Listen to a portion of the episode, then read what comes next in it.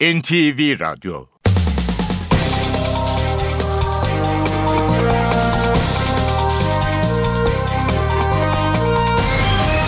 İşe Giderken Mutlu sabahlar ben Aynur Altunkaş. Bugün 25 Şubat Salı. Yaklaşık 2 saat boyunca Türkiye ve dünya gündemine yakından bakacağız. Ayrıntılara geçmeden önce haber başlıkları. Başbakanlık Başbakan Erdoğan'la oğlu Bilal arasında geçtiği iddia edilen telefon konuşmalarının kaydı için ahlaksızca bir montaj açıklamasını yaptı. Başbakanla oğlu arasında geçtiği iddia edilen ses kayıtlarının internette yer alması üzerine muhalefet harekete geçti. CHP ve MHP yönetimleri olağanüstü toplandı. CHP sözcüsü Haluk Koç hükümet meşruiyetini kaybetmiştir dedi. MHP lideri Bahçeli de bugün bir açıklama yapacak. Başbakan yardımcısı Bülent Arınç yasa dışı dinleme iddiaları ile ilgili ismi geçen kişilerden özür dilenmeli dedi.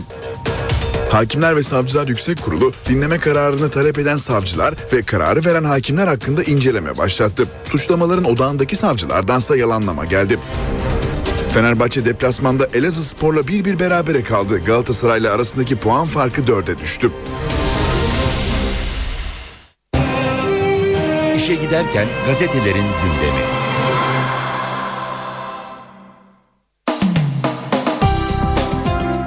Gazetelere bakacağız. Dün Yeni Şafak e, ve Star gazetelerinde manşetten duyurulan yasa dışı olarak 7 bin kişinin dinlendiği e, haberleri e, bugüne yansıyan en önemli başlıklardan biri. Bir diğeri de Başbakan Erdoğan'la oğlu Bilal arasında geçtiği iddia edilen konuşmanın e, ses kaydı. Başbakanlıktan bir yalanlama gelmişti e, bu kayda ilişkin olarak. Bugün gazetelerde bu iki haberi öne e, çıkmış olarak görüyoruz. Hürriyet gazetesi her yer örgüt her yer kulak diyor manşette. 17 Aralık'taki operasyondan sonra özel yetkileri ellerinden alınarak başka adliyelere atanan iki savcının Selam Terör Örgütü diye binlerce kişiyi dinlettiği iddiası gündeme bomba gibi düştü diyor Hürriyet gazetesi de. Yeni Şafak ve Star gazetelerinin haberine göre 2011'de ihbar mektubuyla başlatılan soruşturmaya Başbakan Erdoğan'ın danışmanlarıyla yakın çalışma arkadaşları dahil edildi. Kayıt listesine sivil toplum kuruluşları temsilcileri, gazeteciler, yazarlar, öğretim üyeleri, iş adamları, siyasetçiler, medya kuruluşları da girdi. Savcı Adnan Çimen alçakça bir iftira, müfettiş istedim dedi. Savcı Adem Özcansa Selam Örgütü soruşturmasında dinlenen kişiler bu yayınlanan listede bile yok dedi. HSYK 3. Dairesi'nin bugün yapacağı toplantıda savcılar hakkında inceleme ya da doğrudan soruşturma kararı alabileceği belirtildi. Bu kadar kişi dinlenirken neredeydin? CHP lideri Kılıçdaroğlu binlerce kişinin telefonunun dinlenmesiyle ilgili bu kadar kişi dinlenirken hükümet neredeydi? Şimdi şikayet ediyor. Muhalefet aydınlar, gazeteciler, akademisyenler dinlenirken başbakan memnundu. Kendi yolsuzlukları ortaya çıkınca rahatsız oldu dedi. Arınç'tan da yanıt var. Buradaydık ama bilemezdik. Başbakan yardımcısı ve hükümet sözcüsü Arınç, Bakanlar Kurulu sonrasında dinleme skandalı için konuşurken 2280 kişi dinlendi, sayı daha da artabilir dedi. Tamamen kanunsuz dinleme talepleri ve kararları, savcı ve hakim birlikteliğiyle hayali bir örgüt ilintisi bulunabileceği ortaya çıktı. Sayın Kılıçdaroğlu mükemmel açıklama yapmış. Bunlar dinlenirken hükümet neredeydi diye. Hükümet buradaydı ama bu savcı ve hakime bir etki yapmamız ve bunlardan haberdar olmamız mümkün değil. O ses kayıtları ahlaksızca montaj Başbakanlıktan açıklama. İnternette dün akşam düşen 17 Aralık'ta yapıldığı iddia edilen 4 ayrı ses kaydı ile ilgili Başbakanlık açıklama yaptı. Sayın Recep Tayyip Erdoğan'la oğlu arasında telefon görüşmesi olduğu iddiası eşliğinde internet aracılığıyla servis edilen ses kayıtları ahlaksızca bir montaj ürünü olup tümüyle gerçek dışıdır. Türkiye Cumhuriyeti Başbakanı'na hedef alan bu kirli tezgahı kuranlardan hukuk içinde hesap sorulacaktır. Hürriyet gazetesinden bir başlık daha hapisle yargılansın. Beşiktaş Galatasaray derbisinde kaleci Tolga Zengin'in yüzüne lazer tutan seyirci hakkında suç duyurusunda bulundu. Bir diğer başlık dörde düştü. Lider Fenerbahçe puan kaybetmeye devam ediyor. Elazığ Spor'la karşılaşan Sarı Lacivertler deplasmandan beraberlikle ayrıldı. İkinci ile puan farkı dörde düştü. Milliyete bakalım şok iddia jet yanıt diyor Milliyet manşette. İnternetteki ses kasetine başbakanlıktan gece açıklaması. Başbakanla oğlu Bilal Erdoğan arasında geçtiği iddia edilen ses kaydı internete konuldu. Başbakanlık ahlaksızca bir montaj ürünü hukuk içinde hesap sorulacaktır diye yalanladı. CHP hükümeti istifaya çağırdı. MHP'de olağanüstü toplandığı başlıklarını yine Milliyet gazetesinde görüyoruz. E yeter dedi vurdum başlığı yine Milliyet'te. İstanbul Sarıyer'de gelini Yankı Özkan Yıldırır'ı öldüren Kemal Yıldırır'ın eşine şiddet uyguladığı ve boşanma davasının sürdüğü ortaya çıktı. Yıldırır ifadesinde oğlum ve gelinimin yanına gittim bana bağırdılar. Gelinim eh yeter artık deyince kendimi kaybettim dedi. Zerre kadar vicdanı olan bunu yapmaz. Osmaniye'de insan müsveddeleri ön bacaklarını kestikleri yavru kediyi yol kenarına atıp ölüme terk etti. Hayvanseverler tarafından tedavisi yaptırılan 7 aylık dişi kediye hareket edebilmesi için geçici olarak oyuncak araba bağlanırken belediye başkanı Kadir Kara önümüzdeki günlerde tekerlekli bacak taktıracağız dedi. Cumhuriyet manşette en bomba kaset diyor. Başbakanla oğlu Bilal'e ait olduğu iddia edilen konuşmalar gündemi sarstı deniyor haberde. 7 bin kişilik liste bir diğer başlık terör örgütü suçlamasıyla dinlenmişler deniyor haberin bir diğer başlığında. Baroya beraat başlığını yine Cumhuriyet'te görüyoruz. İstanbul Barosu Başkanı Koca Sakal ve 9 yönetici balyoz davasında yargıyı etkilemeye teşebbüs iddiasıyla yargılandıkları davada suçsuz bulundu. Koca Sakal biz hiç beraat talep etmedik yargı kendisini beraat ettirdi dedi. Duruşmayı yurt dışından çok sayıda baro ve avukatlık örgütleri de izledi. Devam edelim e, haberlere. Star gazetesi dün dinleme haberini manşetten veren Star bugün X eşittir şantaj diyor manşette. Tarihin en büyük telekulak skandalı. Türkiye'nin en büyük telekulak skandalını deşifre eden e, Star paralel yapının X koduyla dinlediği 815 ismi de tespit etti demiş gazete. X kodlar arasında şantaj için dinlenen masaj salonu, eskort kadın ve mankenler de var diyor Star haberinde. Bülent Arınç'ın açıklaması savcı hakim birlikteliği ile kanunsuz dinleme başlığıyla yer almış. Haberi veren bir diğer gazete Yeni Şafak'tı dün. Bugün manşette bu ihanet hepimize diyor. Paralel örgütün 7 bin kişiyi dinlediğini ortaya çıkaran Yeni Şafak'ın manşeti gündeme bomba gibi düştü demiş. Yeni Şafak'ta Star'da olduğu gibi Dinlenen siyasetçiler, iş adamları ve sivil toplum kuruluşu temsilcileri sadece biz değil Türkiye hedefte dedi. Örgüt şemasını Mossad mı yaptı başlığı Yeni Şafak'ta Başbakan Erdoğan, Ahmedinecad ve Hizbullah lideri Nasrallah'ı hayali örgütün lideri gibi göstermek isteyen paralel savcılar dosyayı Birleşmiş Milletler'e göndererek darbeye uluslararası destek arayacaklardı. Üç ismin bir araya getirilmesi ve İran Büyükelçisi'nin dinlenmesi şemayı İsrail mi yaptı sorusuna neden oldu demiş Yeni Şafak haberinde. Zaman gazetesiyle devam edelim. Söz konusu dinlemeleri talep eden e, savcılardan Çimen'in açıklaması var. Adnan Çimen bu şerefsizliktir e, diyor. Haberin asılsız olduğunu belirten Çimen, ben böyle bir örgüt soruşturması yürüttüm ama bu dinlendi denilenlerden bir tanesi bile dosyada yer almıyordu. HSK 2. dairesine başvurdum. Müfettiş talep ettim. Müfettişler araştırsın. Ben yalanlarıyla mı uğraşacağım? Şerefsizlik bu Fethullah Gülen'in avukatı Nurullah Albayrak'tan bir açıklama var. Bunlar kara propaganda metodu başlığıyla yer alıyor haber. Albayrak 7 bin kişinin dinlendiği iddialarının kara propaganda amacı taşıdığını söyledi. Hoca Efendi ve camianın günah keçisi ilan edildiğini söylemiş Albayrak. Akla ve mantığa uygun olmayan bu iddianın öncekiler gibi sadece miting meydanlarında kullanılmaya yönelik olduğu çok açıktır diye devam ediyor Albayrak'ın açıklaması. Star ve Yeni Şafak'ın dün manşetten duyurduğu habere bugün zaman bu andıcın hesabı sorusun başlığıyla yer veriyor. İddia yalan haberlere andıç yöntemlerinin de eklendiğini ortaya koyduğu hukuk tekniğine göre mümkün olmamasına rağmen tek dosyada 7 bin kişinin dinlendiği ileri sürüldü.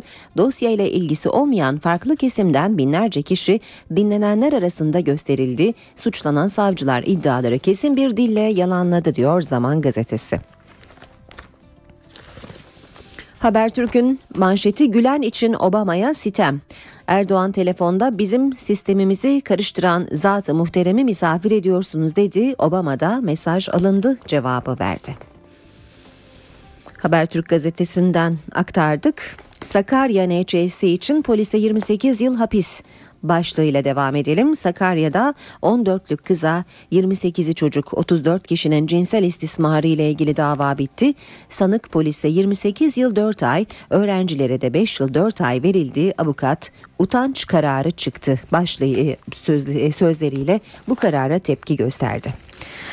Sabah gazetesi darbe tapeleri diyor Cumhuriyet tarihinin en vahim telekulak rezaleti. Paralel devlet bakandan milletvekiline, bürokrattan gazeteciye, partiden derneğe, sanatçıdan iş adamına kadar 20 bini aşkın kişi ve kuruluşun telefonunu dinledi demiş Sabah gazetesi de haberinde.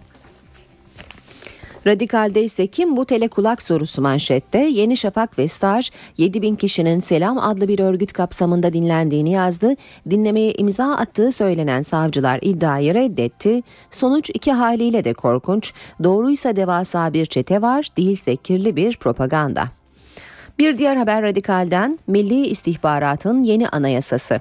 Siyasi irade yürürlükteki anayasadan ve diğer mevzuattan bağımsız özel bir alan yaratma konusunda kararlı düzenleme ile soruşturmanın gizliliği esasının ihlaline cevaz veriliyor. MIT mensupları için fiilen özel yetkili mahkeme ihdas ediliyor. Milletvekillerine tanınan dokunulmazlıktan daha geniş yetkiler veriliyor. Gündemin ayrıntılarına bakmaya başlayalım. Başbakan Tayyip Erdoğan'la oğlu arasında geçtiği iddia edilen ses kayıtları ile ilgili Başbakanlıktan bir açıklama geldi. Başbakanlık ses kaydının montaj ürünü olduğunu bildirdi. Açıklamada internet aracılığıyla servis edilmiş olan ses kayıtları ahlaksızca bir montaj ürünü olup tümüyle gerçek dışıdır denildi. Açıklamada ayrıca Türkiye Cumhuriyeti Başbakanı'na hedef alan bu kirli tezgahı kuranlardan hukuk içinde hesap sorulacaktır ifadeleri yer aldı. CHP Merkez Yönetim Kurulu Başbakanla oğlu arasında geçtiği iddia edilen ses kayıtlarının internette yer alması üzerine olağanüstü toplandı. Toplantının ardından Haluk Koç bir basın toplantısı düzenledi. Koç hükümet meşruiyetini kaybetmiştir dedi. Recep Tayyip Erdoğan'ın başbakanlığındaki hükümet şu andan itibaren meşruiyetini kaybetmiştir. Bu saatten sonra Türkiye Cumhuriyeti'ni bu kirli ilişkilerin ortasında olan bir kişinin yönetmesi asla kabul edilemez. Türkiye Cumhuriyeti'ni yöneten, yönetim kademelerinde bulunan, sorumluluğu olan herkesi sorumluluğunu yerine getirmeye davet ediyoruz. Türkiye Cumhuriyeti Başbakanı hırsızlık ve rüşvet olaylarının altında ezilen bu başbakan şu andan itibaren istifa etmek zorundadır. MHP Başkanlık Divanı da ses kayıtları iddiasını değerlendirmek üzere toplandı. Toplantı gece yarısı sona erdi. Açıklamayı bugün MHP lideri Devlet Bahçeli yapacak. Bahçeli seçim çalışmaları için bugün Bilecik'te olacak. Dün Star ve Yeni Şafak gazetelerinin manşetten verdiği 7 bin kişinin telefon görüşmelerinin cemaat tarafından dinlendiği iddiası gündemi sarstı. Habere göre aralarında bakan, milletvekili, gazeteci ve iş adamlarının da bulunduğu kişilerin telefonları yasa dışı yollarla dinlendi. 7 bin kişinin telefonu paralel yapı tarafından dinlendi. İddia Star ve Yeni Şafak gazetelerine ait. Her iki gazetede de yer alan habere göre Aralarında bakan, milletvekili, çok sayıda gazeteci ve iş adamlarının da bulunduğu 7 bin kişinin telefonu 3 yıl süreyle dinlendi.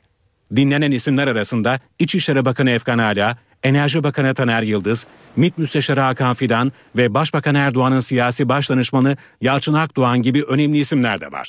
Ayrıca CHP Genel Merkezi Santrali'nin de 3 yıl boyunca dinlendiği iddia edildi. Habere göre dinleme Terörle Mücadele Kanunu ile yetkili savcılar Adem Özcan ve Adnan Çimen'in Selam Terör Örgütü soruşturması adı altında başlatıldı. İki savcı mahkemelerden aldığı izinlerle 7 binden fazla kişiyi dinledi. Star ve Yeni Şafak gazeteleri dinlendiği iddia edilen 7 bin kişiden yaklaşık 3 bininin listesini yayınladı. Listede 43 gazeteci, 7 akademisyen ve 16 siyasetçi var. Ayrıca Başbakan Tayyip Erdoğan'ın özel kalem müdürü ve iki danışmanı, Kamu Güvenliği Müsteşarı ve Türkiye'nin Moritanya Büyükelçisi de dinlenen isimler arasında. Savcı Adem Özcan, geçtiğimiz günlerde yayınlanan ESYK kararnamesiyle özel yetkili TMK savcılığı görevinden alınarak Büyükçekmece Adliyesi'ne atanmıştı. Adem Özcan, KCK soruşturmalarını yürütmüş, MİT Müsteşarı Hakan Fidan'ı ifadeye çağıran Saadettin Sarıkaya'nın yerine atanmıştı. 7 bin kişinin dinlendiği iddiası dün Bakanlar Kurulu'nun da gündemindeydi. Hükümet sözcüsü ve Başbakan Yardımcısı Bülent Arınç, dinlenen isim sayısının daha da artabileceğini söyledi ve dinleme talepleri kanunsuz dedi. 107 klasörde 2280 kişinin telefon numaraları da dahil olmak üzere dinlendiği anlaşılıyor. İsmi bulunanların sayısının daha da artabileceği incelemeler sonunda da anlaşılabilecek. Dinlenen kişilerin sayısı artabilir, dinlemeler kanunsuz. Başbakan Yardımcısı Bülent Arınç, Bakanlar Kurulu toplantısından sonra kameraların karşısına geçti, 7 bin kişinin dinlendiği iddiasını değerlendirdi. Arınç'a göre dinlenen kişilerden özür dilenmeli. Her kişiden, o kişilerin yakınlarından ve bu konuya dahil edilen hemen hemen isimleri belli her şahıstan ayrıca özür dilenmesi gerekiyor. Arınç, muhalefetin dinleme iddiaları konusunda hükümete gösterdiği tepkiyi de yorumladı. Hükümet buradaydı.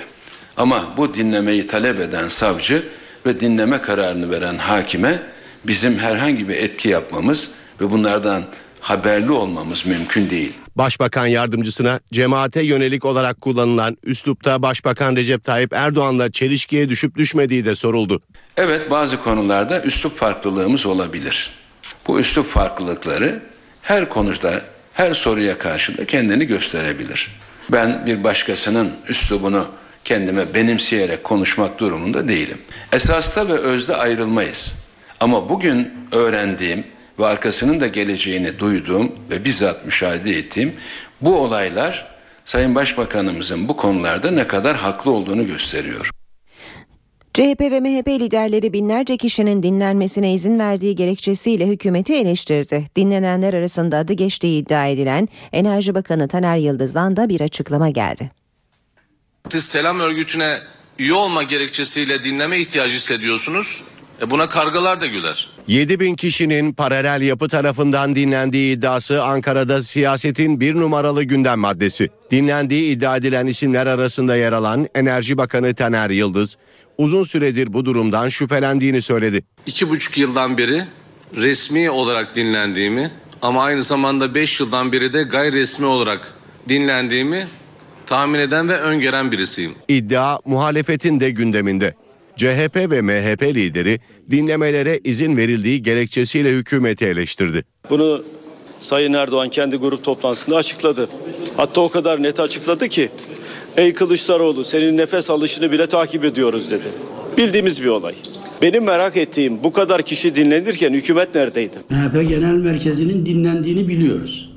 Ve bunu medya aracılığıyla düşüncelerimizi aktaramadığımız kesimlere bu dinlenme vasıtasıyla aktarıldığını kabul ettiğimiz için hoşgörüyle karşılıyoruz. HDP de iddiaların üzerine gidilmesi gerektiği görüşünde. E, Bu çok ciddi bir sorun. Artık e, buna bir nokta koymak e, gerekiyor. Bu çok hukuksuz. Gerçekten kabul edilebilir bir durum değil. HDP eş başkanı Sabahat Tuncer'in sözleri de böyleydi. Dinleme iddiaları Hakimler ve Savcılar Yüksek Kurulu'nu harekete geçirdi. Kurul dinleme kararını talep eden savcılar ve kararı veren hakimler hakkında inceleme başlattı. Hedefteki savcılardansa yalanlama geldi. Hakimler ve Savcılar Yüksek Kurulu suç soruşturması gerekçe gösterilerek 7 bin kişi hakkında usulsüz dinleme kararı alındığı yönündeki iddiaları ihbar kabul etti. Soruşturma savcıları Adem Özcan ve Adnan Çimen hakkında inceleme başlattı.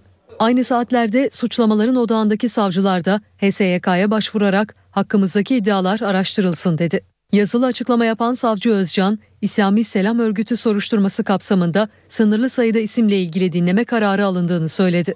Soruşturma kapsamında İslami Selam Örgütü ile bağlantılı olduğu düşünülen makul sayıda kişiyle ilgili mahkemeden alınan kararlar doğrultusunda dinleme kararları mevcuttur. Soruşturulan örgüt ve birbirleriyle hiçbir bağlantısı olmayan binlerce kişinin dinlenmesi söz konusu değildir. Suçlanan isimlerden savcı Adnan Çimen ise 7 bin kişinin dinlendiği iddialarını yalanladı. Ben böyle bir örgüt soruşturması yürüttüm. Ama bu dinlendi denilenlerden bir tanesi bile dosyada yer almıyordu. Hepsi yalan. HSYK ikinci dairesine başvurdum, müfettiş talep ettim. Müfettişler araştırsın. 7 bin kişinin dinlenebilmesi mümkün mü? Savcılar hakkındaki iddialar HSYK 3. Dairesi tarafından incelenecek. 7 bin kişinin İslami Selam Örgütü soruşturması kapsamında dinlendiği iddia ediliyor. HSYK iddialarda adı geçen siyasetçi, iş adamı, gazetecilerle ilgili usulüne uygun dinleme kararı alınıp alınmadığına, eğer alınmışsa bu kararların hukuka uygun olup olmadığına bakacak. Somut, yakın, kuvvetli suç şüphesinin olup olmadığı, dinlemelere gerekçe gösterilen Selam Örgütü soruşturmasının akıbetiyle dinleme kayıtlarının soruşturma dosyasında yer alıp almadığı da bu kapsamda incelenecek. İncelemenin sonunda usulsüzlük tespit edilmesi durumunda savcılar hakkında soruşturma gündeme gelecek. Tüm bu gelişmelerin ve tepkilerin ardından Fethullah Gülen'in avukatı Nurullah Albayrak'tan da bir açıklama geldi. Albayrak paralel damgalaması müvekkilim ve camiayı günah keçisi ilan etmektir dedi. Gülen'in avukatı sorumluların sıfatlarına bakılmaksızın cezalandırılması gerektiğini söyledi. Albayrak bu iddialar da öncekiler gibi miting meydanlarında kullanılmaya yönelik konuyla ilgili yasal başvuruda bulunacağız dedi. Açıklamada ayrıca bu iddiayla devleti daha otoriter hale getirecek internet, HSYK ve MIT yasası gibi anayasaya aykırı düzenlemelerin tartışılması perdelenmektedir ifadelerine yer verildi. Meclis İçişleri Komisyonu'nda kabul edilen MIT düzenlemesi muhalefetin gündeminde. CHP ve MHP düzenlemenin 17 Aralık operasyonunun üzerinin kapatılmak için hazırlandığı görüşünde hemfikir. Yasak düzenlemelerinin birer birer Türkiye Büyük Millet Meclisi'nden geçtiğini görüyoruz. Gerçekten rüşvet, yolsuzluk dosyaları unutturulabilmek için bir sıkı yönetim ilan edilmiştir. Muhalefetin Meclis İçişleri Komisyonu'nda kabul edilen MİT kanun teklifine tepkisi sürüyor. CHP'ye göre teklifle basını öngörülen cezalar kabul edilemez nitelikte. Son derece e, sakıncalı diyebileceğimiz düzenlemelere sahip bir yasa tasarısıdır. MİT belgesini yayınlayan gazetecinin veya sosyal medya ise bu o ilgili internet sitesinin sahibi cezalandırılacak. Böyle bir şeyi kabul etmek mümkün değildir. MHP'de düzenlemenin 17 Aralık operasyonunun üzerini kapatmak için hazırlandığını savunuyor. Türkiye adeta bir demir perde ülkesi haline getirilmiştir. Recep Tayyip Erdoğan MIT aracılığıyla sadece bir hakim aracılığıyla herkesi dinleyebilecektir. Dolayısıyla burada görülmektedir ki hükümet dinleme örgütünü baskı, tehdit ve korku örgütünü bu millete hizmet etmesi gereken kurumların içine yerleştirmektedir. Eleştirilere yanıt Başbakan Yardımcısı Bülent Arınç'tan geldi. Sadece tribünlere oynamak, bağırıp çağırmak, hükümeti çalışamaz hale getirmek, mecliste kavga çıkarmak yolunu tercih ediyorlar. MIT'in 30-40 yıllık yasasını bugünün şartlarına uygun hale getirmek, daha güçlü ve teşkilatı kendi içerisinde daha barışık bir hale getirmek için bir yasal düzenleme yapılırken bir istihbarat örgütünün güçlü olmasını içe ve dışa karşı kim istemez? Gaziantep Emniyetinde 120 personelin görev yeri değiştirildi. 15 gün önce göreve başlayan Emniyet Müdürü Ali Gezer'in talebi onaylandı. Aralarında bir müdür yardımcısı, iki komiser ve bir başkomiserin de bulunduğu 120 kişi farklı yerlere atandı. Başbakan Yardımcısı Bülent Arınç, Türkiye ile Amerika Birleşik Devletleri ilişkilerinin gerildiği iddialarını yalanladı. 20 Şubat'ta Başbakan Erdoğan'la Amerika Başkanı Obama'nın görüştüğünü söyleyen Arınç, ilişkilerin aynı seviyede ilerlediğini söyledi. Son zamanlarda Başkan Obama ile Sayın Başbakanımız arasındaki ilişkilerin soğuduğu, birbirlerini aramadıkları veya birbirlerine herhangi bir şekilde ulaşmadıkları ifade edilmişti.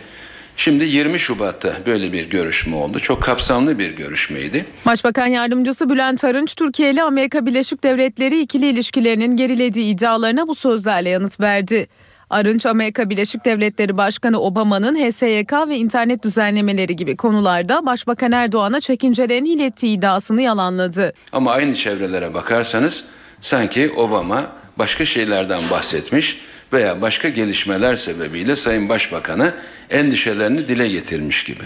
Hayır öyle değil. Amerika Dışişleri Bakan Yardımcısı William Burns bu iddiaların gündemde olduğu bir dönemde Ankara'daydı. Bugün bildiğiniz gibi Dışişleri Bakan Yardımcısı, Yardımcısı Burns de Ankara'ya geldi. Müsteşar düzeyinde görüşmeler yaptı. Üst düzey ziyaretlerde, ilgili bakan ziyaretleri de bundan böyle devam edecektir. Burns Ankara'da Dışişleri Bakanlığı Müsteşarı Feridun Sinirlioğlu ile görüştü. Görüşmede Türkiye-Amerika ikili ilişkileri başta olmak üzere Suriye'de yaşanan son gelişmeler, Kıbrıs'ta müzakere süreci ve terörle mücadele konuları masaya yatırıldı. Başbakanlık Başbakan Erdoğan'la oğlu Bilal arasında geçtiği iddia edilen telefon konuşmalarının kaydı için ahlaksızca bir montaj açıklamasını yaptı. Başbakanla oğlu arasında geçtiği iddia edilen ses kayıtlarının internette yer alması üzerine muhalefet harekete geçti. CHP ve MHP yönetimleri olağanüstü toplandı. CHP sözcüsü Haluk Koç hükümet meşruiyetini kaybetmiştir dedi. MHP lideri Bahçeli de bugün bir açıklama yapacak. Başbakan yardımcısı Bülent Arınç yasa dışı dinleme iddiaları ile ilgili ismi geçen kişilerden özür dilenmeli dedi. Hakimler ve Savcılar Yüksek Kurulu dinleme kararını talep eden savcılar ve kararı veren hakimler hakkında inceleme başlattı. Suçlamaların odağındaki savcılardansa yalanlama geldi. Fenerbahçe deplasmanda Elazığ Spor'la bir bir berabere kaldı. Galatasaray'la arasındaki puan farkı dörde düştü. Gündeme yakından bakmaya devam edelim. AK Parti'nin Ankara Büyükşehir Belediye Başkan adayı Melih Gökçek yerel seçim projelerini NTV yayınında anlattı. Mehmet Parlas'ın sorularını yanıtlayan Gökçek yerel seçimlerde iddialı olduklarını vurguladı. Metro çok pahalı. Şimdi ikinci alternatif olarak biz e, otobüs teleferikleri bulduk. Önümüzdeki 5 yıl içerisinde Ostim'le beraber bu teleferik otobüsleri yapacağız. AK Parti'nin Ankara Büyükşehir Belediye Başkan adayı Melih Gökçek, NTV yayınında Mehmet Barlas'ın sorularını cevapladı. Dört dönemdir belediye başkanlık görevini yürüten Gökçek, alternatif ulaşım araçlarıyla trafik sorununu çözmek istediklerini söyledi, diğer projelerini de anlattı. Önümüzdeki dönem açık söylüyorum en büyük hedefim benim Ankara'daki çevre ilçelerdeki tarımı ve çevre ilçelerdeki hayvancılığı ve bir de termal suları en üst seviyeye çıkarabilmek. Bunun için çarpışacağız. Bir boğaz projemiz var. Suyu herkes arzu eder. E ben de e, bulabildiğimce artık suyu e, Ankara ile tanıştırmaya, buluşturmaya çalışıyorum. Gökçek son dönemde yaşanan gelişmelerin oy kaybına neden olup olmayacağı sorusuna da cevap verdi. Şu anda yeni anket yaptırdım. E, 94.477 kişi. 3 milyon 600 bin seçmen var. Yani 40 kişide bir kişiye soru sormuşuz. Ve netice şu. E, 9.81 MHP yani Mevlüt Bey'in oyu. 35.35 e, Mansur Bey'in oyu yani CHP adayı. E, 52.81 AK Parti'nin yani Melik Gökçek'in oyu. Bu netice şunu gösteriyor ki çok net olarak söylüyorum bu olaylar e, kesinlikle tesir etmedi. AK Parti İzmir Büyükşehir Belediye Başkan adayı Binali Yıldırım 1414 ayaklı Hayat İzmir projesini açıkladı ve önceliklerini sıraladı. İzmir için, İzmir'in geleceği için çok önemli hazırlıklar yaptık. İzmir artık çok kolay diyorum. İzmir Büyükşehir Belediye Başkan adayı Binali Yıldırım kent için hazırladığı 1414 projeyi geniş katılımlı bir toplantıyla tanıttı. Yıldırım İzmir'in hak ettiği değeri görmediğini söyledi. İzmir'in bütün göstergeleri maalesef nüfus dışında hep arka sıralarda geliyor. Hemşerilerimiz seçerse elimizi değil başımızı taşın altına koyarak İzmir'de bu projeleri gerçekleştireceğiz. Binali Yıldırım'ın öncelikli projelerinden biri kentsel dönüşüm. Küçük siyasi hesapları bırakmamız gerekiyor. Zaman kaybetmeden 1 milyon hemşerimizin yaşadığı sağlıksız, güvensiz, ruhsatsız yapılardan kurtarmamız gerekiyor. Eski Ulaştırma Bakanı Yıldırım, kente raylı ulaşım ağının geliştirilmesi konusunda da iddialı. Bu İskaray malum İzmir'in iki yakasını birleştiren bir projedir. Çiğli'den, Menemen'den kalkan hemşerimiz Çeşme'ye gitmek için saatlerce yol tepsin. Direkt İskaray'dan geçsin 6 dakika ver elini Çeşme. Yıldırım, tarım, sanayi ve turizm sektöründe 130 bin İzmirlinin istihdam edileceğini söyledi. Bayraklı'yla Yamanlar yamaçları birleştirilecek ve dünyanın en büyük botanik parkı burada yer alacak. Projelerin öngörülen maliyeti 65 milyar lira. Ancak kamu özel ortaklığıyla belediye kasasından çıkacak para 15 milyarı geçmeyecek. Yerel seçim sonuçlarının en çok merak edildiği büyük şehirlerden bir diğeri Adana. Anket sonuçları 3 partinin birbirine çok yakın oy oranına sahip olduğunu gösteriyor. Adaylık başvurusu biterken yaşanan sürpriz bir gelişme ise seçim yarışının kızışacağını gösteriyor. Adana, yerel seçimlerin çekişmeli geçeceği illerden biri. Kent sosyo-kültürel yapı itibarıyla AK Parti, CHP ve MHP'nin birbirlerine çok yakın oy dağılımına sahip olduğu bir büyük şehir. Son anket sonuçları da bunu destekliyor. Üç parti arasında yüzde birlik oy farkı var. Adaylık başvurusunun son saatlerinde yaşanan bir gelişme de seçim sonucunu etkileyecek gibi görünüyor. Kentte 5 dönem belediye başkanlığı yapan Aytaş Durak bağımsız aday oldu. Bu milli irade Adana'da yeniden sandıkta tecelli edecek. Durak bir önceki seçimde MHP'den aday olmuş, 1300 oy farkıyla belediye başkanı seçilmişti. 28 Mart 2010'da yolsuzluk suçlamaları nedeniyle İçişleri Bakanlığı'nca görevden uzaklaştırıldı. Cezaevinde 42 gün kaldı. İhaleye fesat karıştırmak suçundan 12 yıla kadar hapis sistemiyle yargılandığı davada beraat etti. Son 20 yıla bakıldığı zaman muhakkak ki e, yani o kemik tabir edilen oy potansiyeline sahip Aytaş Durak yani. Adana'da Büyükşehir Belediye Başkanı seçilecek ismi bekleyen en büyük sorun yıllardır tartışılan hafif raylı sistem. Belediyenin bitiremediği proje Ulaştırma, Denizcilik ve Haberleşme Bakanlığı tarafından tamamlandı. Bu nedenle belediye bütçesinin büyük bir bölümü bakanlık tarafından kesiliyor. Bütçedeki sıkıntı kentte yapılacak yatırımların önünü kesiyor. İzmir'in Urla ilçesinde seçim bürosu açma hazırlığındaki HDP'lilerle çevrede toplanan kalabalık arasında çıkan gerginlikle ilgili 9 kişi gözaltına alındı. HDP eş başkanı Ertuğrul Kürkçü bir şey oluyorsa olmasına izin verildiği içindir diyerek İzmir ve Urla Emniyet Müdürleri hakkında suç duyurusunda bulunacaklarını söyledi. İşe giderken gazetelerin gündemi.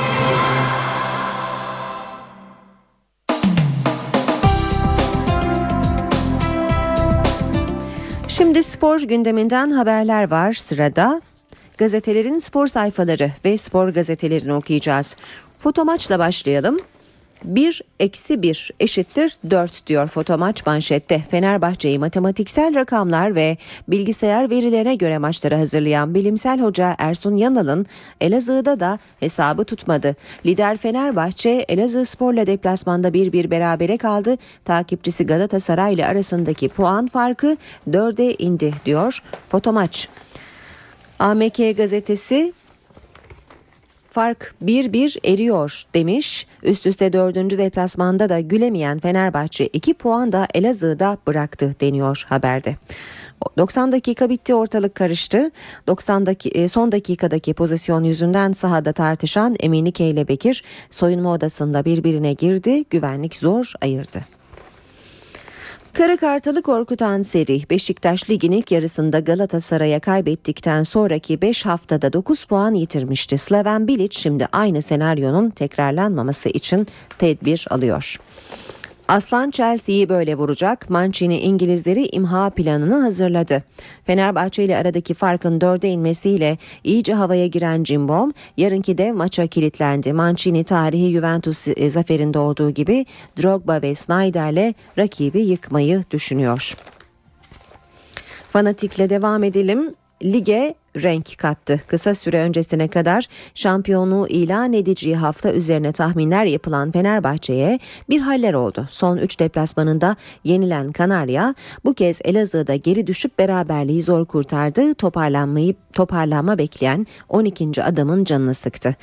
Tablo karanlık. Ersun Yanal'ın takımı sezonun ikinci yarısındaki 8. puanını kaybetti. Aslan'la fark 4'e indi. Evet önemli eksikler var ama Yanal'ın ısrarları ve bozmadığı ezberi de can sıkmaya başladı. Taraftarın sabrı zorlanıyor, şampiyonluk yarışı tekrar başlıyor demiş Fanatik Haber'de.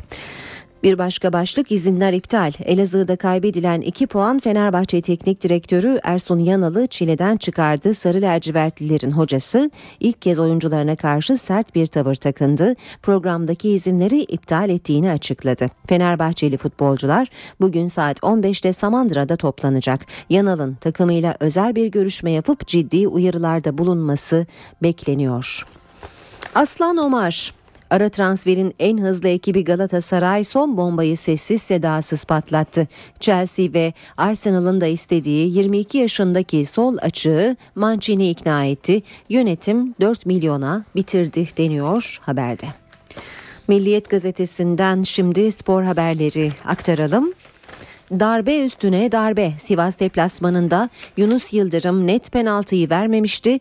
Dün de Hüseyin Göçek yardımcısı Kemal Yılmaz'ın uyarısıyla Christian'a anlaşılmaz bir kırmızı kart çıkardı diyor Milliyet gazetesi ilk kırmızısı başlığı yine var. 2009-2010 sezonunda geldiği Fenerbahçe'de 5. yılını geçiren Christian Baroni ilk kez kırmızı kartla atıldı. Sarı lacivertli formayı 195 kez resmi maçta giyen Brezilyalı futbolcu 28 kez sarı kart görmüştü.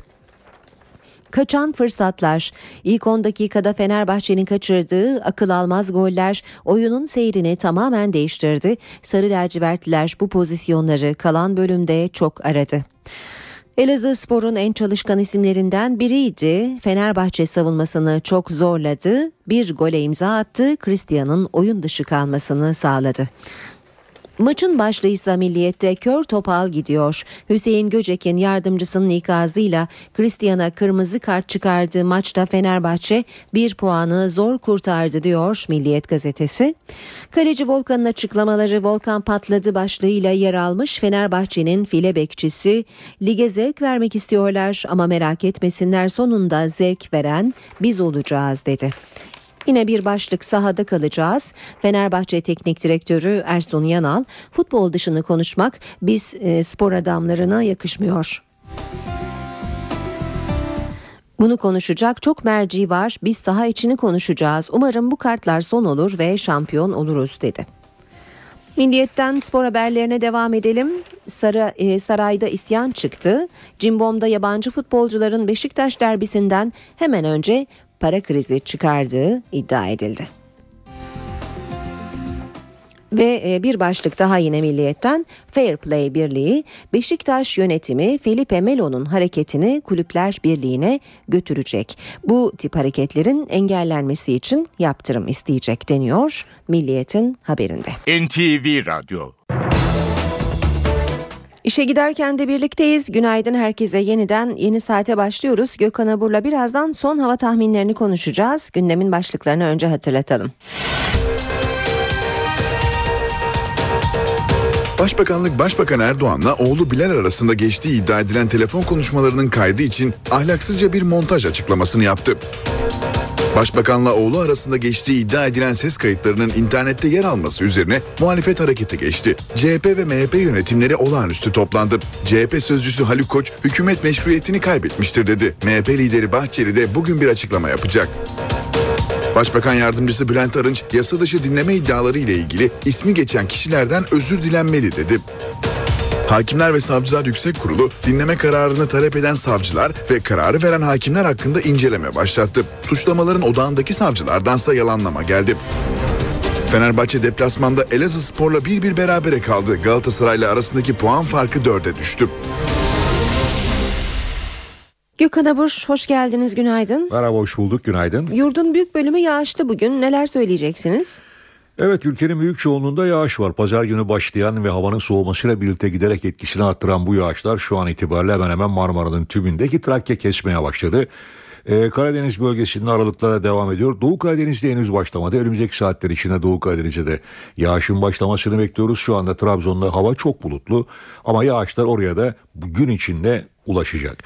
İç kesimlerde de yağış başladı. İç kesimlerde aralıklara devam eden sağanaklar var. Bunların hepsi yağmur şeklinde çünkü henüz daha yeteri kadar soğuma yok. Ama bu gece ve yarın İç ve doğu kesimlerdeki soğumayla birlikte İç Anadolu bölgemizdeki yağışlar karla karışık yağmura ve yarından itibaren doğudaki yağışlar da kara dönecek. Batıda ise yağış yarın ara verecek. Ara verecek yağış e, çok uzun süreli değil. Hafta sonu tekrar ısınmayla birlikte Lodos'la birlikte yağışın yeniden gelmesini bekliyoruz ama yarın Trakya'da, Marmara'nın hemen hemen büyük bir çoğunluğunda, Ege'de ve Batı Akdeniz'de yağış görülmeyecek. Fakat Karadeniz'in tümünde ve doğudaki yağışlar biraz önce de söyledim. Yer yer yağmur, yer yerde karla karışık yağmur ve kar şeklinde devam edecek. Evet İstanbul'da şu anda yağış aralıklarla devam ediyor. İstanbul'da şu anda termometre sıcaklıkları 6 dereceyi gösterse de hissedilen sıcaklık 4 derece civarında. Yaklaşık 30 kilometre hızla esen bir karayel dediğimiz kuzeybatılı rüzgar var. Yağış bugün aralıklarla etkisini sürdürecek ve akşama doğru havanın biraz daha soğumasıyla yine akşam saatlerinde yer yer kuvvetli olmak üzere yağış devam edecek. Yarın sabah erken saatlerden itibaren önce Avrupa yakasında sonra Anadolu yakasında yağışın etkisini kaybetmesini bekliyoruz. Hava soğuk. Ancak hafta sonu sıcaklık cumartesi günü biraz yükselecek ama bu yükseliş beraberinde Lodos'un peşinden yağmur tek yağmuru tekrar İstanbul'a getirecek. Ankara'da ise çok bulutlu bir hava var. Son ölç yapılan ölçümlerde sıcaklık 4 derece 7 kilometre hızla esen bir Poyraz var. Önümüzdeki saatler içinde hatta dakikalar içinde de yağışın başlamasını bekliyoruz. Ankara'da yağış aralıklarla devam ederken bugün olduğu gibi yarın da yağışın aralıklarla etkisini sürdürmesini bekliyoruz. İzmir'de ise yağış etkisini kaybediyor. Şu an itibariyle çok bulutlu bir hava var ve sıcaklık 8 derece. Bugün beklediğimiz en yüksek sıcaklık 14 dereceye çıkmış olsa bile kuzeyli rüzgarlardan dolayı İzmir'de de hissedilen sıcaklıklar düşük değerlerde olacak. Evet son derece değişken hava koşullarının göreceği bir haftaya başladığımızı dün belirtmeye çalışmıştım. Ani sıcaklık değişimleri var. Yağış belki belki beklediğimiz boyutlarda olmasa da en azından çiftçiyi biraz rahatlatacak boyutta ülkedeki yağışlar toprağın ıslanması e, su havzalarına suyun gel, e, yavaş yavaş gelmiş olması da en azından geçtiğimiz hafta içinde %30'ların altına inen baraj seviyelerini en azından %30'ların birkaç birim üstüne çıkartabilecek evet. düzeyde Böyle bir hava koşulu var ama ani değişimlere karşı dikkatli olun diyorum. Teşekkürler Gökhan Abur bizimleydi.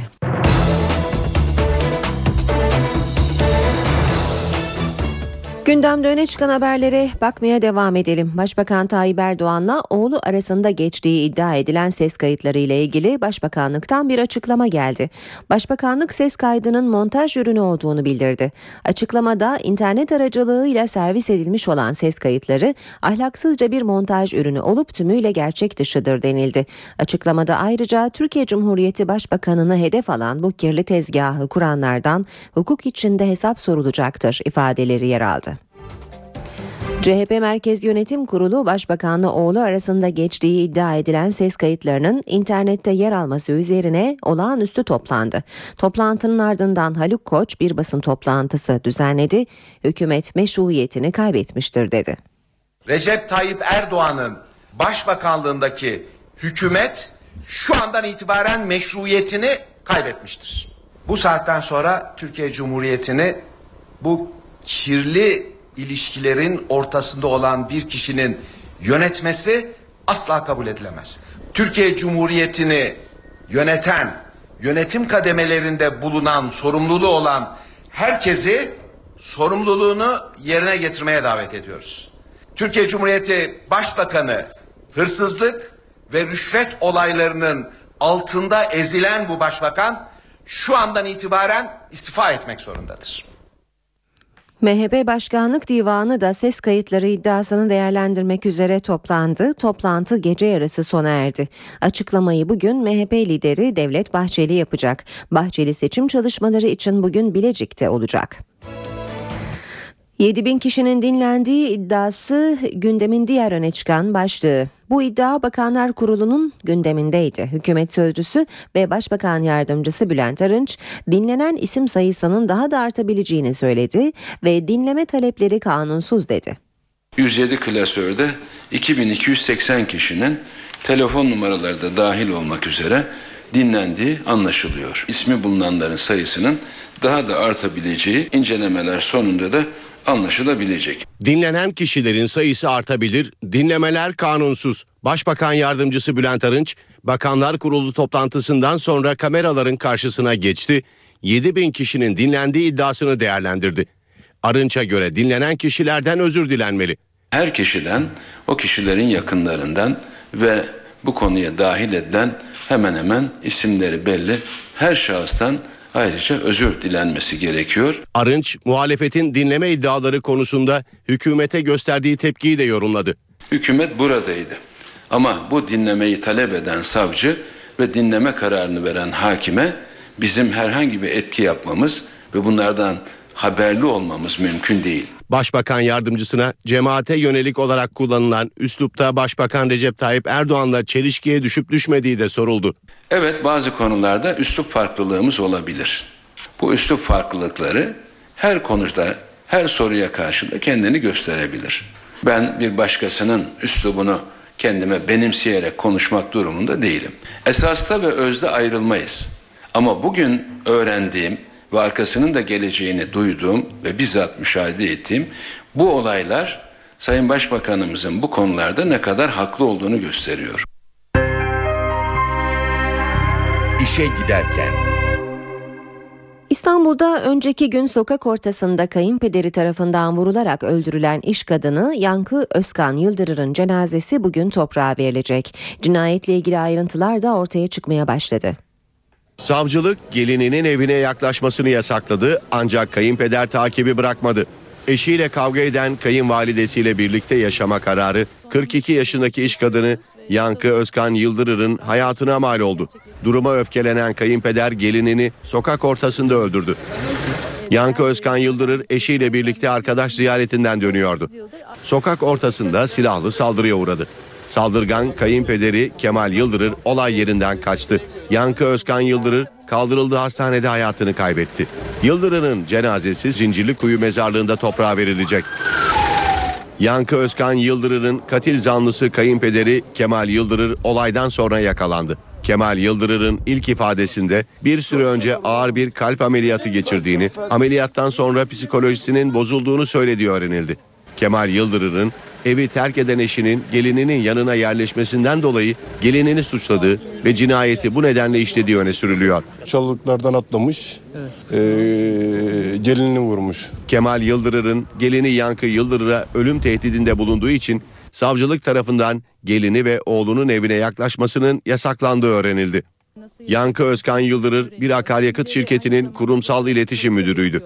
Daha önce görev aldığı şirketlerde başarılı çalışmaları nedeniyle çok sayıda ödüle layık görülen bir isimdi. Polisteki sorgusu tamamlanan Kemal Yıldırır adliyeye sevk edildi.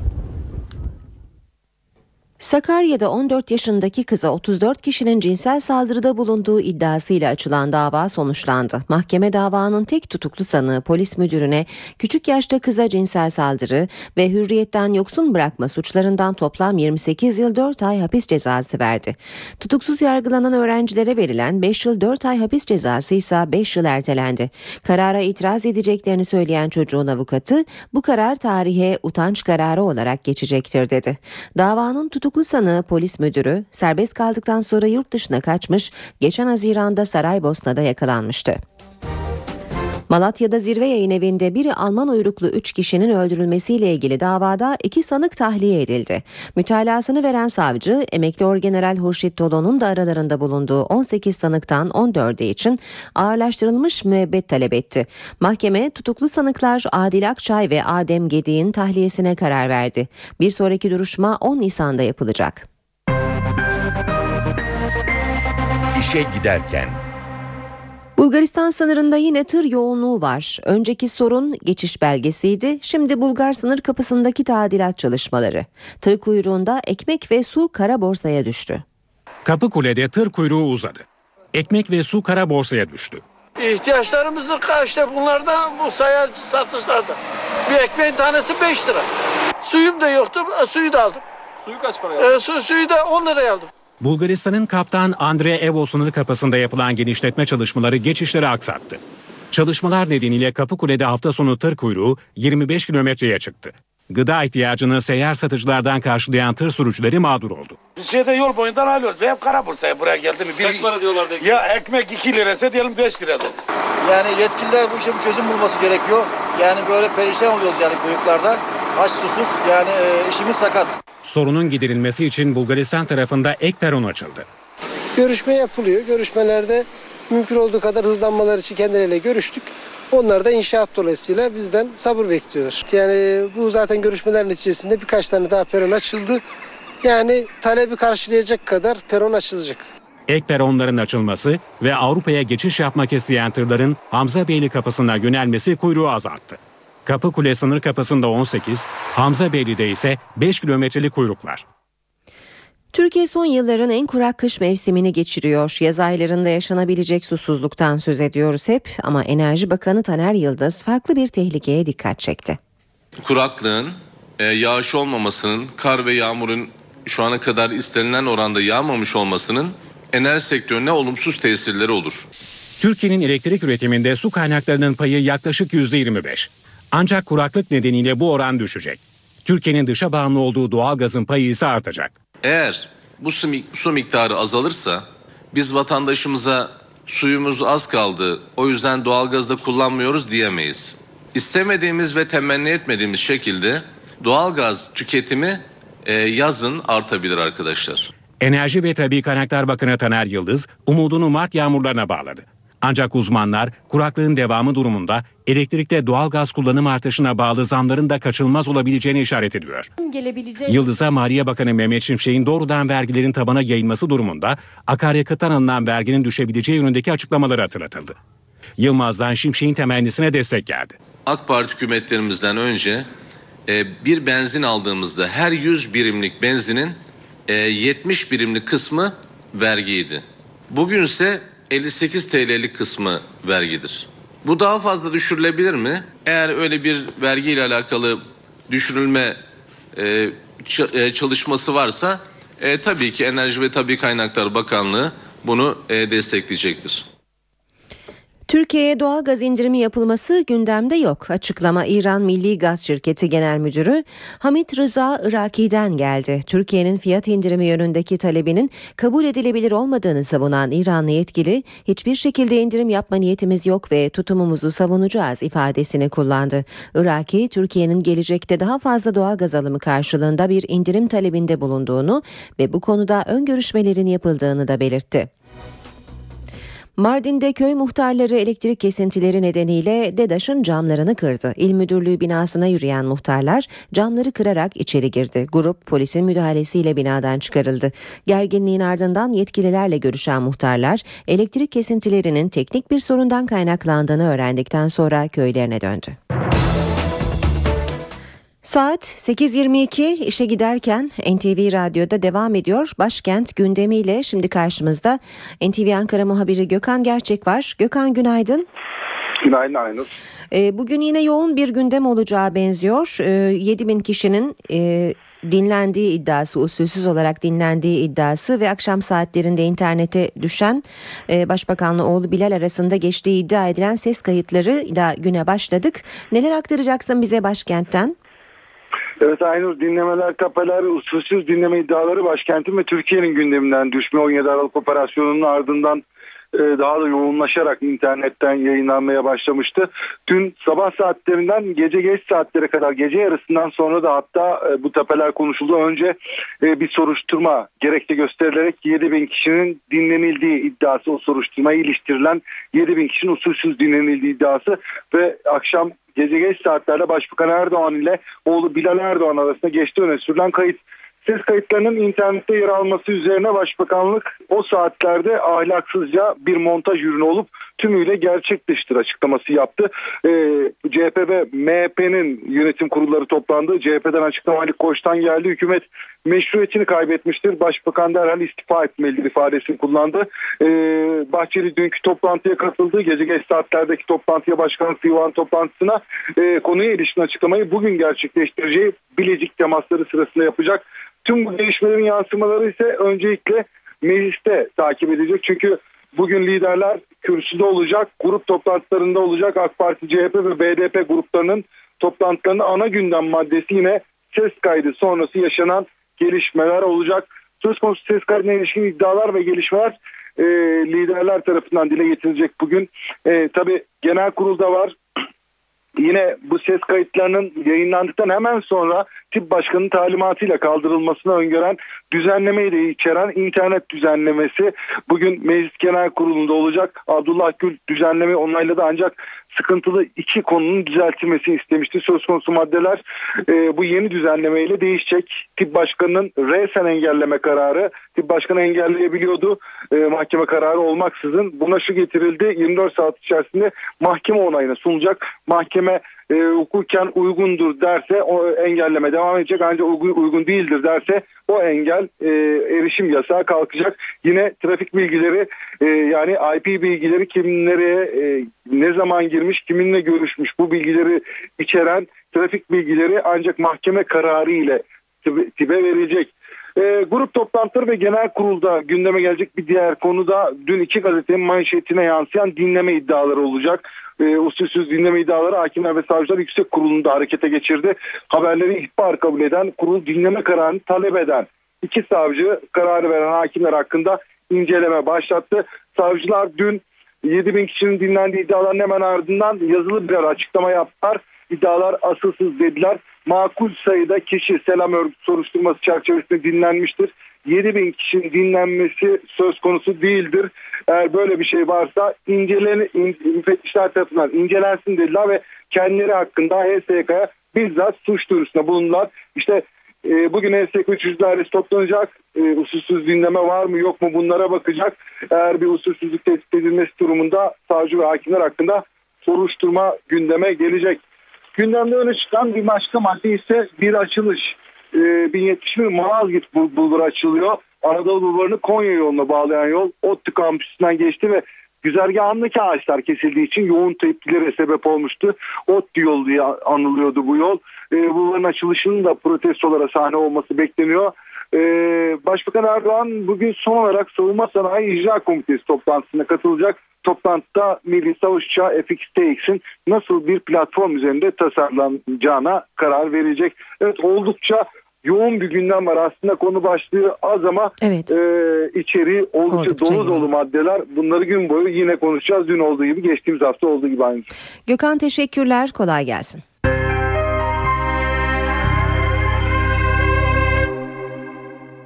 Saat 8.26 şimdi sırada işten güçten haberler var. Profesör Cem Kılıç e, siz dinleyicilerimizden gelen sorulara yanıt veriyor bugün. İşten güçten haberler. Profesör Cem Kılıç'la çalışma hayatı ve sosyal güvenliğe dair her şey.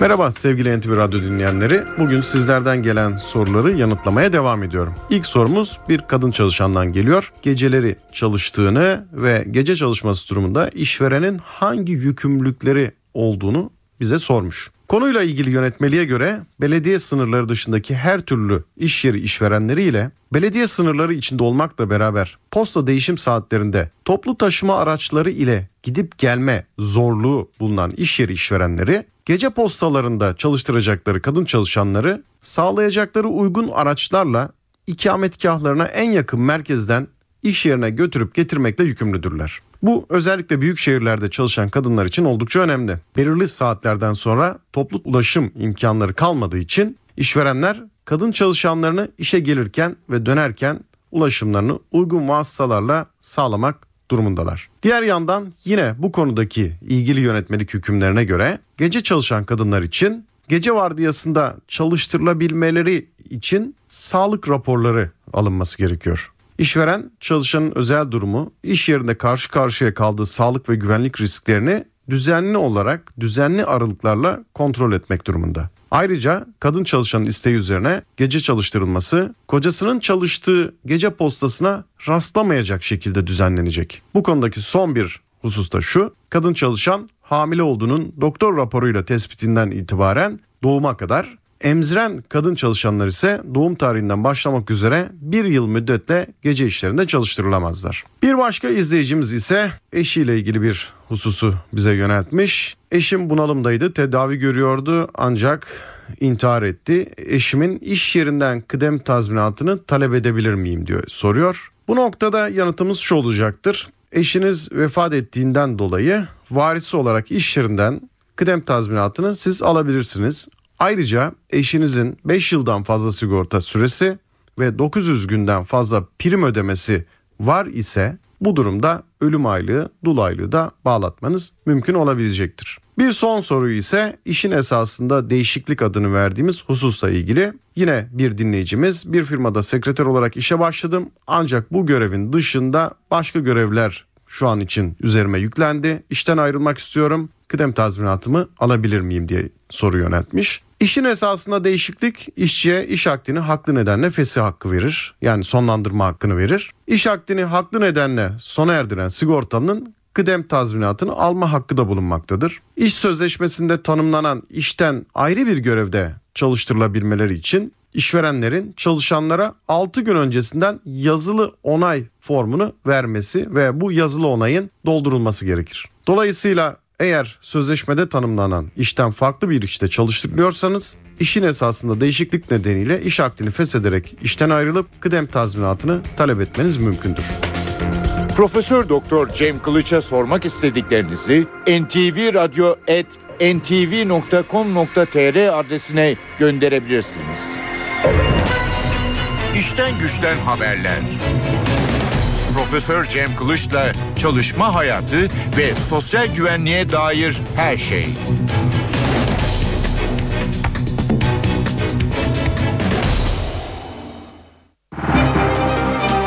Saat 8.30 bir ara vermeden önce piyasalardaki son duruma da bakalım. BIST 100 endeksi dün %0,47 oranında değer kazanarak 64.185 puandan kapandı. Bu sabah serbest piyasada dolar ve euroda artış olduğunu görüyoruz. Dolar 2.22'de, euro 3.05'te işlem görüyor. Euro dolar 1.37, dolar yen 102 düzeyinde. Altının onsu 1335 dolar, kapalı çarşıda külçe altının gramı 95, çeyrek altın 166 liradan işlem görüyor. Brent petrolün varili 111 dolar. Başbakanlık Başbakan Erdoğan'la oğlu Bilal arasında geçtiği iddia edilen telefon konuşmalarının kaydı için ahlaksızca bir montaj açıklamasını yaptı. Başbakanla oğlu arasında geçtiği iddia edilen ses kayıtlarının internette yer alması üzerine muhalefet harekete geçti. CHP ve MHP yönetimleri olağanüstü toplandı. CHP sözcüsü Haluk Koç hükümet meşruiyetini kaybetmiştir dedi. MHP lideri Bahçeli de bugün bir açıklama yapacak. Başbakan yardımcısı Bülent Arınç yasa dışı dinleme iddiaları ile ilgili ismi geçen kişilerden özür dilenmeli dedi. Hakimler ve Savcılar Yüksek Kurulu dinleme kararını talep eden savcılar ve kararı veren hakimler hakkında inceleme başlattı. Suçlamaların odağındaki savcılardansa yalanlama geldi. Fenerbahçe deplasmanda Elazığ Spor'la 1-1 berabere kaldı. Galatasaray'la arasındaki puan farkı 4'e düştü.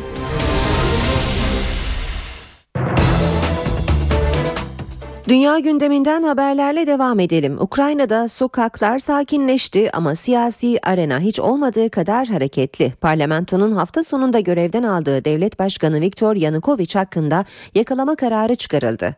En son Kırım'da görülen Yanukovych'in nerede olduğu tam olarak bilinmiyor. Ama tek sorun bu değil, ülke iflasın eşiğinde. Aylardır devam eden hükümet karşıtı gösteriler Ukrayna ekonomisini alt üst etti. Ukrayna'nın para birimi grivna bu yılın ilk iki ayında euro karşısında %10 oranında değer kaybetti. Aylık gelirin ortalama 400 dolar olduğu 46 milyon nüfuslu ülkede işsizlik oranı %9'u aşmış durumda. Kredi derecelendirme şirketleri de ülkenin kredi notunu CCC'ye düşürdü. Notun iki basamak daha düşürülmesi Ukrayna ekonomisinin iflası anlamına geliyor. Ülkenin kamu borcu hızla büyürken ekonomiyi kurtarmak için 15 ila 20 milyar dolar nakde ihtiyaç var. Bu noktada Rusya'nın 15 milyar dolarlık yardım sözü kilit önem taşıyor. Ancak Rusya yanlısı politika izleyen Viktor Yanukovych'in görevden alınması Moskova'nın geri adım atmasına neden oldu. Rusya Maliye Bakanı Anton Siluanov, Ukrayna'ya yapacakları mali yardımı askıya aldıklarını duyurdu. Bu gelişmelerin ardından Ukrayna, Uluslararası Para Fonu, Amerika Birleşik Devletleri ve Avrupa Birliği'nin verdiği yardım sözünü tutmasını bekliyor.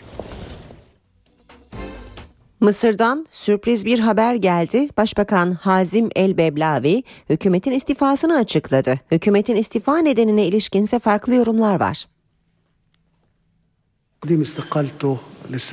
Kabine istifasını Cumhurbaşkanı'na sunma kararı almıştır. Son 6-7 aydır zorlu bir yükü taşımak zorunda kaldık.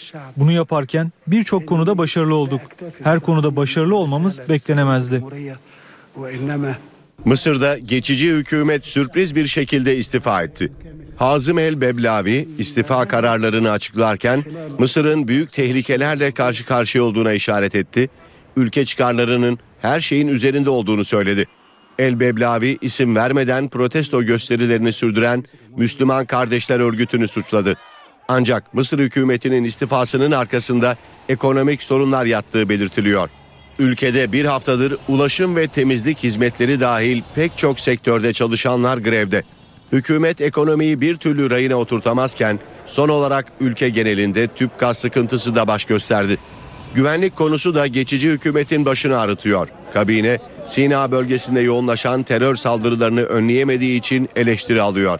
Kabinenin istifası Cumhurbaşkanı adaylarının açıklanmasına kısa süre kala geldi.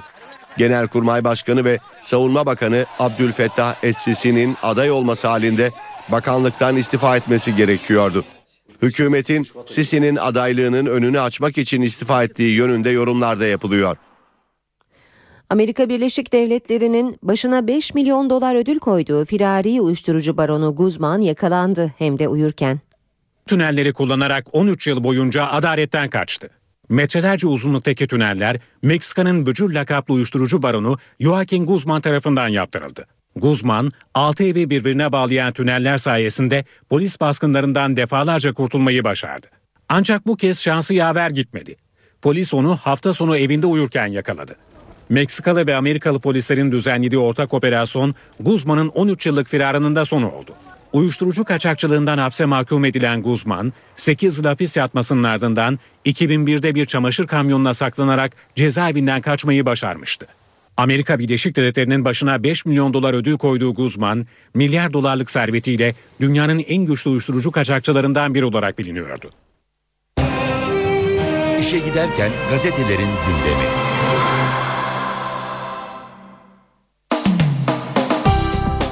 Programımızın son dakikalarında gazetelere bakacağız. Bir manşet turu yapacağız. Dün Yeni Şafak ve Star gazetelerinin manşetten duyurduğu e, yasa dışı dinleme haberi bugün de e, gazetelerde yankı bulmaya devam ediyor. Yanı sıra Başbakan Erdoğan'ın oğlu Bilal'e ait olduğu iddia edilen telefon görüşmesine ait haberleri de yine görüyoruz gazetelerde. Milliyet'te şok iddia jet yanıt başlığı manşette. İnternetteki ses kasetine Başbakanlıktan gece açıklaması. Başbakanla oğlu Bilal Erdoğan arasında geçtiği iddia edilen ses kaydı internete konuldu. Başbakanlık ahlaksızca bir montaj ürünü hukuk içinde hesap sorulacaktır diye yalanladı. Yine Milliyet'ten başlık 7 bin kişilik liste bombası. Yeni Şafak ve Star gazeteleri savcılar Adem Özcan ve Adnan Çimen'in Selam Terör Örgütü adlı soruşturmada aralarında siyasetçi, gazeteci ve iş adamlarının da bulunduğu 7 bin kişiyi dinlettiğini öne sürdü. Olayın arkasında cemaat olduğu vurgusu yapılan haberlerde dinleme izinlerinin sadece, sadece isimle hatta X kişi diye usulsüz şekilde alındığı iddia edildi diyor Milliyet gazetesi haberinde. Hürriyet gazetesinde ise manşet her yer örgüt her yer kulak. 17 17 Aralık'taki operasyondan sonra özel yetkileri ellerinden alınarak başka adliyelere atanan iki savcının Selam Terör Örgütü diye binlerce kişiyi dinlettiği iddiası gündeme bomba gibi düştü demiş Hürriyet. Manşette e, hemen altında da o ses kayıtları ahlaksızca montaj başlığını görüyoruz. İnternete düşen Başbakanla oğlu arasında geçtiği iddia edilen ses kaydına Başbakanlıktan gelen yalanlamayı görüyoruz. Bu kadar kişi dinlenirken neredeydin başlığı hürriyette. CHP lideri Kılıçdaroğlu şimdi şikayet ediyor. Muhalefet aydınlar, gazeteciler, akademisyenler dinlenirken başbakan memnundu. Kendi yolsuzlukları ortaya çıkınca rahatsız oldu diyerek hükümete yüklendi. Bu sözlere yanıt Başbakan Yardımcısı Bülent Arınç'tan geldi. Buradaydık ama bilemezdik başlığıyla vermiş haberi Hürriyet gazetesi. Radikal kim bu telekulak diyor manşette Yeni Şafak ve Star 7 bin kişinin Selam adlı bir örgüt kapsamında dinlendiğini yazdı. Dinlemeye imza attığı söylenen savcılar iddiayı reddetti. Sonuç iki haliyle de korkunç. Doğruysa devasa bir çete var değilse kirli bir propaganda. Sabah darbe tapeleri demiş manşetinde Cumhuriyet tarihinin en vahim telekulak rezaleti diye devam ediyor haber. Yeni Şafak ve Star gazeteleri e, haberi dün manşetten duyurdu demiştik. Bu gazetelerin bugünkü manşetlerine bakalım. Star X eşittir şantaj diyor. X koduyla paralel yapının X koduyla dinlediği 815 ismi de tespit etti tespit ettiğini söylüyor Star. X kodlar arasında şantaj için dinlenen masaj salonu, eskort kadın ve mankenler de var deniyor haberde. Yeni Şafak'sa bu ihanet hepimize manşetini atmış bugün. Dinlenen siyasetçiler, iş adamları ve sivil toplum kuruluşları temsilcileri sadece biz değil Türkiye hedefte dedi deniyor haberde. Yine Yeni Şafak'tan başlık Obama'dan Erdoğan'a mesaj alındı. Başbakan Erdoğan'ın milletvekilleriyle yaptığı kahvaltıda Obama ile yaptığı telefon görüşmesi de gündeme geldi. Erdoğan'ın Gülen'i kastederek Amerika'daki misafir iç işlerimize karışıyor dediği öğrenildi. Obama ise mesaj alınmıştır cevabını verdi. Bu haberi Habertürk'ün de manşetinde görüyoruz. Gülen için Obama'ya sitem başlığıyla manşette yer alıyor. Habertürk'te haber.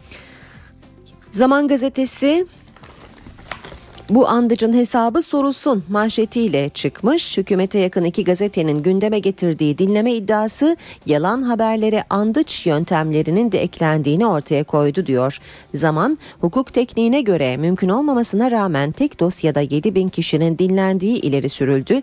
Dosyayla ilgisi olmayan farklı kesimden binlerce kişi dinlenenler arasında gösterildi. Suçlanan savcılar iddiaları kesin bir dille yalanladı. Bu savcılardan biri Adnan Çimen açıklaması Zaman Gazetesi'nde şöyle yer almış. Ben böyle bir örgüt soruşturması yürüttüm ama bu dinlendi denilenlerden bir tanesi bile dosyada yer almıyordu. Şerefsizliktir bu. Fethullah Gülen'in avukatı Nurullah Albayrak'tan açıklama var. Gülen ve camianın günah keçisi ilan edildiğini vurgulayan Albayrak, akla ve mantığa uygun olmayan bu iddianın öncekiler gibi sadece miting meydanlarında kullanılmaya yönelik olduğu çok açıktır. Bu durum toplumda oluşturulmaya çalışılan kin ve düşmanlığı daha fazla tahrikten başka bir işe yaramayacaktır. Cumhuriyet'te manşette en bomba kaset diyerek haberi e, duyuruyor okuruna Başbakanlı oğlu Bilal'e ait olduğu iddia edilen konuşmaların gündemi sarstığı belirtiliyor. Bu haberle işe giderken sona erdi. Hoşçakalın. NTV Radyo